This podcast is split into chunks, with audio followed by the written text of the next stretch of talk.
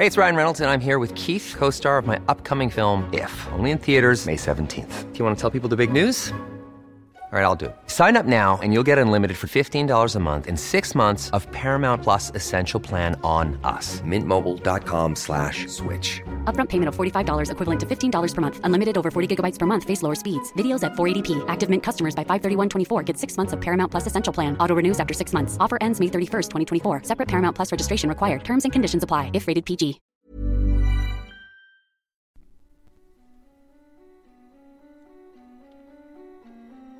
Hej och välkommen till Skräckstunden. En podcast för dig som älskar skräck.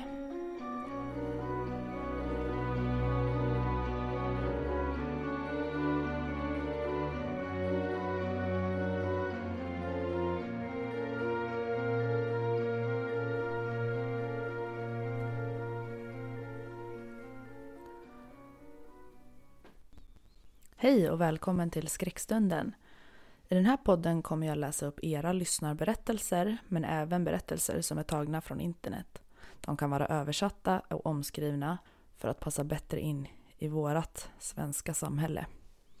Jag hoppas att du kommer att tycka om det här och har du någonting som du vill dela med dig av till mig så finns mina kontaktuppgifter nere i beskrivningen under avsnittet.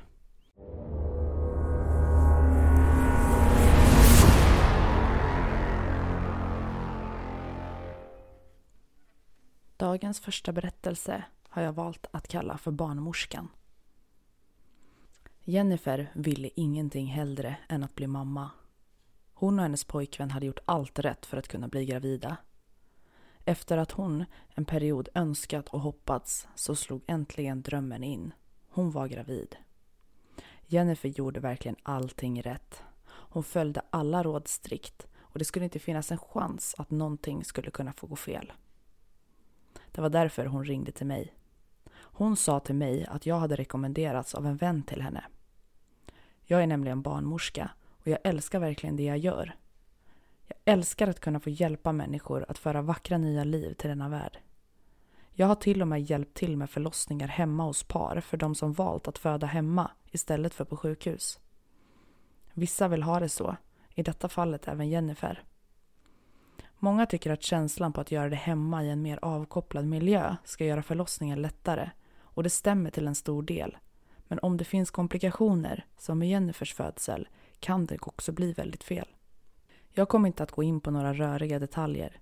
Jag vill bara säga att Jennifers lilla tjej var dödfödd.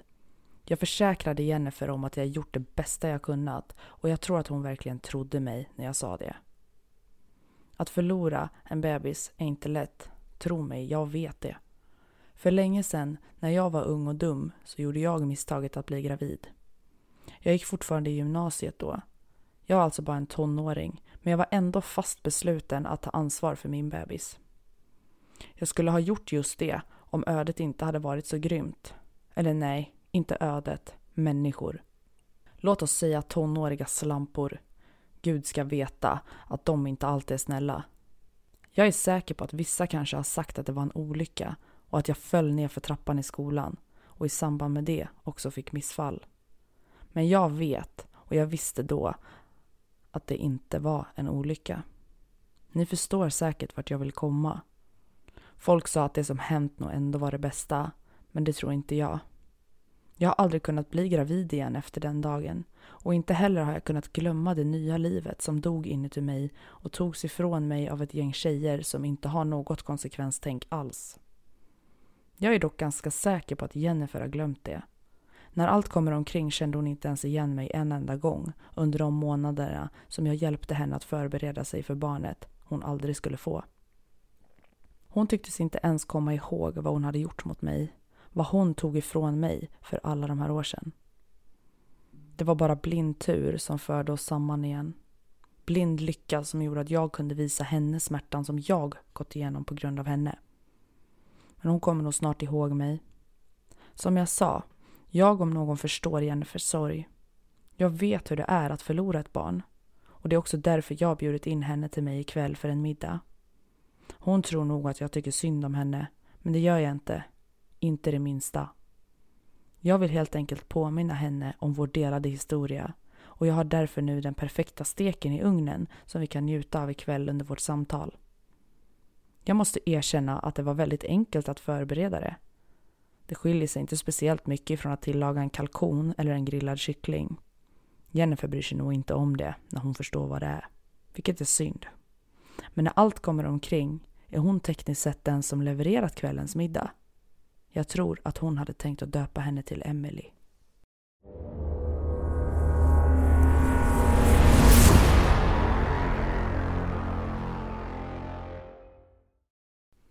Hej! När jag var liten fick jag en fin nallebjörn i present utav min farbror. Han gav vanligtvis alltid de bästa presenterna och på jul och födelsedagar var det hans presenter man längtade till som mest. Men julen när jag var sju år blev inte som alla andra år. Tidigare har jag fått de finaste och mest rosa och glittriga prinsessklänningar. Jag älskade nämligen att leka prinsessa och allt skulle alltid vara rosa och helst med mycket glitter. Men hur som helst, julen då jag var sju år tänkte jag berätta om vad som faktiskt gick fel. Jag hade skickat jultomten hundratals brev där jag önskade mig en stor nallebjörn och nästa dag besökte farbror oss precis som han brukade och gav mig den största och mest fluffiga nallebjörn som jag någonsin sett. Jag tror inte ens att jag behöver förklara hur lycklig jag blev. Just då i alla fall. Jag var så glad och nallebjörnen som jag valde att döpa till Teddy han var nästan lika stor som mig och hade en liten rosa prickig söt fluga runt sin hals. Jag var riktigt lycklig de första dagarna och jag gjorde allting tillsammans med Teddy. Vi spelade tillsammans, lekte café, tittade på film och hade så roligt. Men efter en kort tid började det hända konstiga saker. Jag började höra konstiga ljud ifrån Teddy. Det lät som någon form av surrande eller kanske ett svagt brummande. Efter brummen började hans ögon att lysa rött. Jag menar inte hela ögat, utan bara som en liten röd prick. Jag började hata Teddy. Jag sa till min mamma att Teddy hade blivit konstig och att jag inte längre ville ha honom inne i mitt rum. Men hon sa bara att jag inte borde vara så otacksam och att jag hade för livlig fantasi. Det konstiga var att ingen annan såg när Teddys ögon började lysa eller när han lät sådär konstigt. För så fort någon annan var i närheten eller kom in i mitt rum så slutade det och Teddy blev precis lika söt som vanligt igen. Därför fanns det inte heller någon som trodde på mina barnsliga fantasier. Jag försökte att kasta bort Teddy flera gånger men varje gång så kom mamma eller pappa på mig och de tillät mig inte att göra det. Och Då gick de så snällt och bar in honom och satte honom på min säng igen. Jag försökte sätta Teddy i garderoben men mamma tog ut honom igen och satte honom på min säng. Teddy fortsatte att stirra på mig med sina röda ögon. Jag bönade och skrek att de snälla skulle ta bort honom för jag vill inte ha Teddy längre. En kväll minns jag att jag hörde mamma och pappa prata in i sitt sovrum som låg intill mitt. De diskuterade att jag nog är i en fas och att de ska ta bort Teddy ett tag om det verkligen var det jag ville men att de sen skulle ta fram honom igen när jag hade kommit på bättre tankar. Och sagt och gjort, de tog bort Teddy och de la upp honom på vinden så att jag slapp se den där hemska nallen igen. Och jag såg honom inte. Fram tills idag. Jag är idag 31 år gammal och vi har ikväll firat min dotters sexårsdag. Min mamma och pappa kommer med en fin present i ett fint papper med en sån där stor rosett på. Teddy är tillbaka. Min dotter har fått ärva Teddy efter mig. Jag är så omtumlad. Jag vet egentligen inte vad jag vill med den här texten men jag sitter nu ensam uppe och hör konstiga ljud ifrån min djupt sovande dotters rum. Teddy ligger intill henne i sängen. Låt oss hoppas att jag denna gång kan kasta ut honom och att det då inte är min dotter som envist vill ha kvar honom. Jag vet att jag borde skärpa mig. Jag är ändå 31 år och skrämd av en nallebjörn. Men jag vet. Och även om jag är den enda som vet så vet jag att någonting är väldigt fel.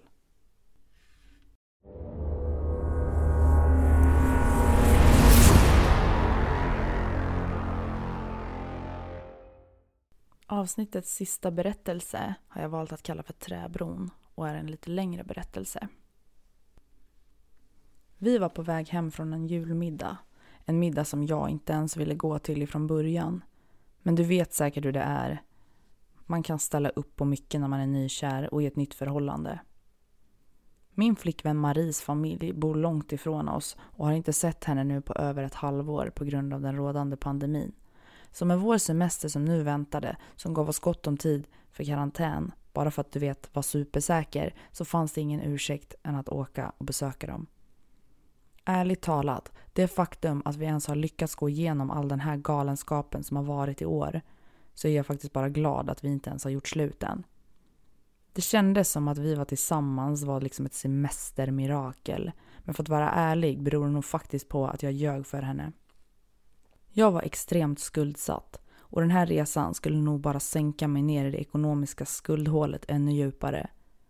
Men jag har aldrig varit så bra på att hantera problem direkt så jag drog väl svansen mellan benen och drev mig själv och min slitna lilla bil till det yttersta.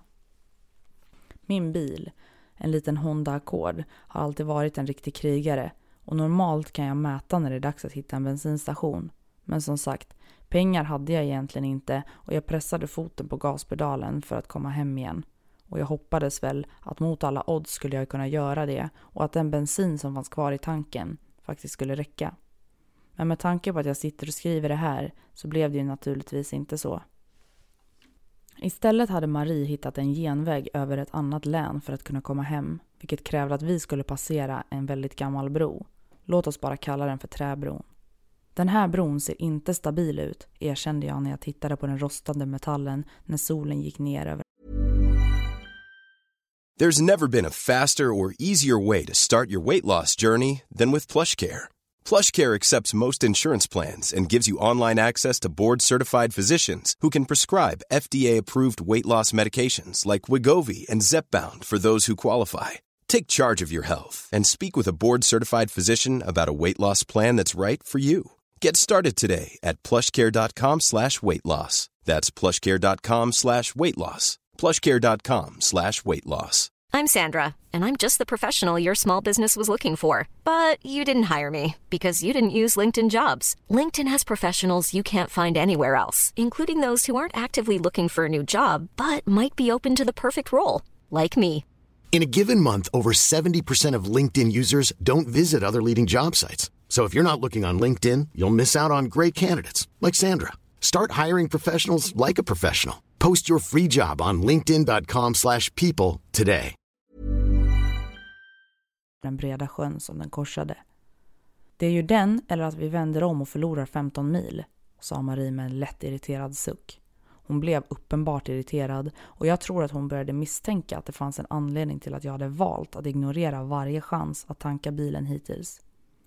Så vi körde ju, för som ni förstår, att vända var absolut inte ett alternativ och ärligt talat verkade det som att det inte skulle bli så dåligt. Men ungefär tre minuter över sjön hostade bilen till och gjorde några ryck för att sedan dö. När vi stannade och varningslamporna tändes suckade Marie högt. Jag sa ju till dig att vi borde ha tankat, sa hon, nu med ännu mer irritation i sin röst. Sen satte hon sig demonstrativt och började söka efter boxerbilar. Ja, såklart. Ingen täckning över vattnet, mumlade Marie frustrerat. Vi satt där i några sekunder och jag funderade på vad jag skulle göra. Det var minst två mil tillbaka till den senaste civilisation vi sett och förmodligen är det minst lika långt till civilisation på den andra sidan av bron. Vi satt verkligen fast i mitten av den här gamla bron som var drygt en mil lång och natten har börjat göra sin entré och mörkret lägger sig ovanligt fort. Vi måste börja gå, sa jag efter att jag bestämt mig när jag insåg att temperaturen sjönk för vad som kändes som varje minut. Det kändes som att mörkret började stänga in oss och sjön verkade inte så vacker längre som den tidigare gjorde. Ville, vänta, någonting känns fel, sa Marie till mig och ryckte hårt tag i min hand och samtidigt såg hon lite bekymrad ut. Jag skulle precis säga någonting för att lugna henne när jag märkte att det verkade som att det fanns ovanligt mycket dimma på vägen som inte hade varit där nyss. Tja, vi kan ju inte stanna här i alla fall, sa jag med en bestämd ton. Men någon borde väl komma förbi, sa Marie. Jag suckade och bestämde mig för att inte argumentera. Det kändes inte som att det var läge, så att jag tänkte att hon givetvis borde ha rätt. Någon annan borde ju passera också. Så jag valde att luta mig tillbaka och tittade på min egen telefon i hopp om att jag kunde ha bättre täckning. Tio minuter gick och inte det minsta tecken till någon annan bil hade synts till. Hela bron tycktes nu försvinna. Jag kunde inte längre se mer än max två meter framför våran bil för den täta dimman. Nej, det är sent nu. Jag måste försöka se om jag kan hitta en bensinstation, sa jag. Den här gången ryckte hon tag ännu hårdare i min hand och skakade på huvudet. Nej, men det känns inte säkert, Ville. Lämna inte mig här ensam. Hon var bestämd och upprörd på samma gång i sin röst. Vi har varit här en stund, Marie. Det är ingen som kommer, sa jag lite försiktigt. Men precis när jag slutade prata dök det upp två starka strålkastare från motsatt sida av bron. Blinka med lamporna, då kanske de stannar, sa Marie med en nu hoppfull ton i sin röst. Jag gjorde givetvis som hon sa och tittade mot vägen efter tecken på det kommande fordonet. Istället såg jag något som gav mig en chock. Någonting som inte liknar någonting jag tidigare sett.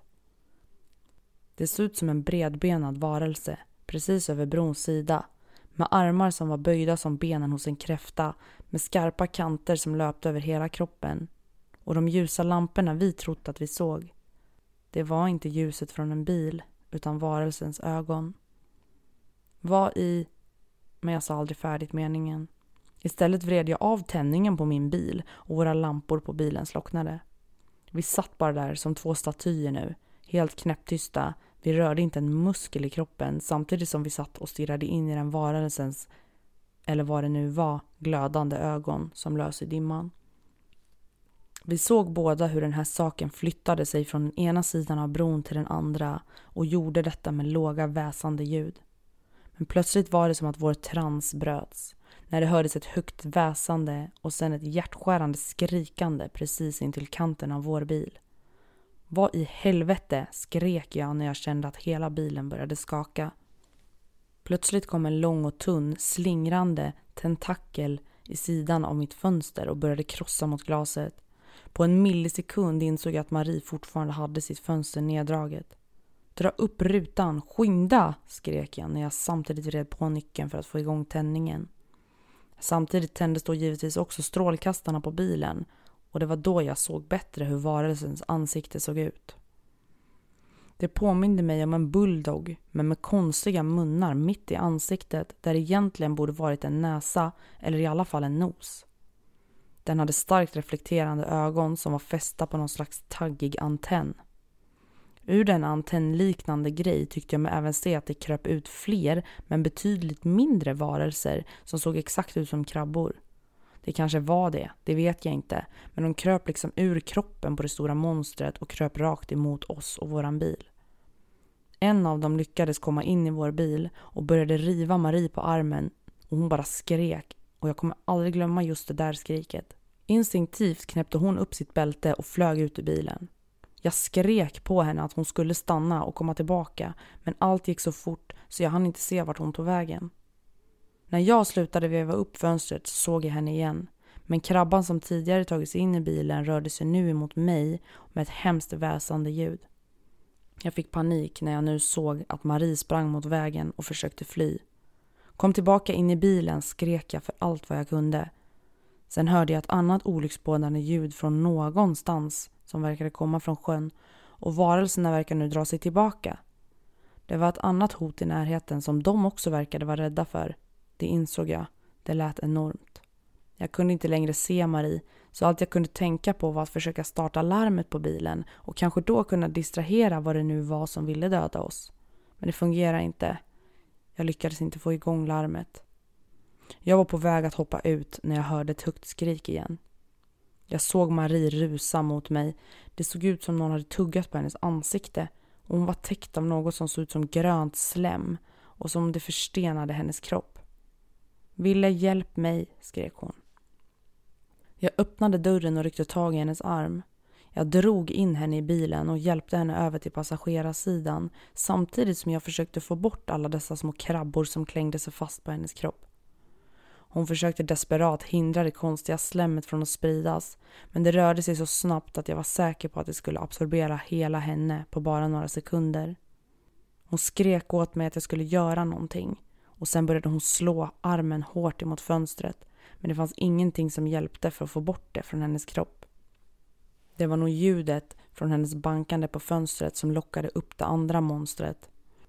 Ett monster som hade någon form av stora tassar och som nu krossade fönstret och grep tag om Marie som det var en jättegorilla och jag såg med skräck på när hon lyftes upp mot himlen och jag hörde hennes hjärtskärande skrik hela tiden. Det blev tyst när hon till slut kastades i den osynliga varelsens mun och bara ljudet av knäckta och krossade ben hördes. Jag bara satt där, som förstenad och bedövad av en rädsla när monstret rörde sig bort ifrån mig. Jag kunde bara tänka att jag måste vara tyst nu när han inte har upptäckt min närvaro. Jag stannade där, frusen av den förlamade sorgen och förtvivlan att förlorat Marie och av det jag sett. Jag satt där ända tills gryningen kom. När solen gick över träbron tittade jag på det blodfärgade sätet där Marie hade suttit. Jag hörde ett annat ljud. Det känns som att en ny varelse är på gång. Jag började krypa bakåt i bilen för att undvika att titta på den och istället gömde jag mig nere på golvet i bilens baksäte när monstrets skugga la sig som ett täcke över hela min bil. Plötsligt lyftes hela min bil upp. Jag klamrade mig fast i dörren och bad en bön till Gud att om det finns någon eller något där ute som vakar över mig så snälla ge mig tryggheten igen. Jag vill inte dö. Sen såg jag den glödande lilla irisen hos en fjällig varelse.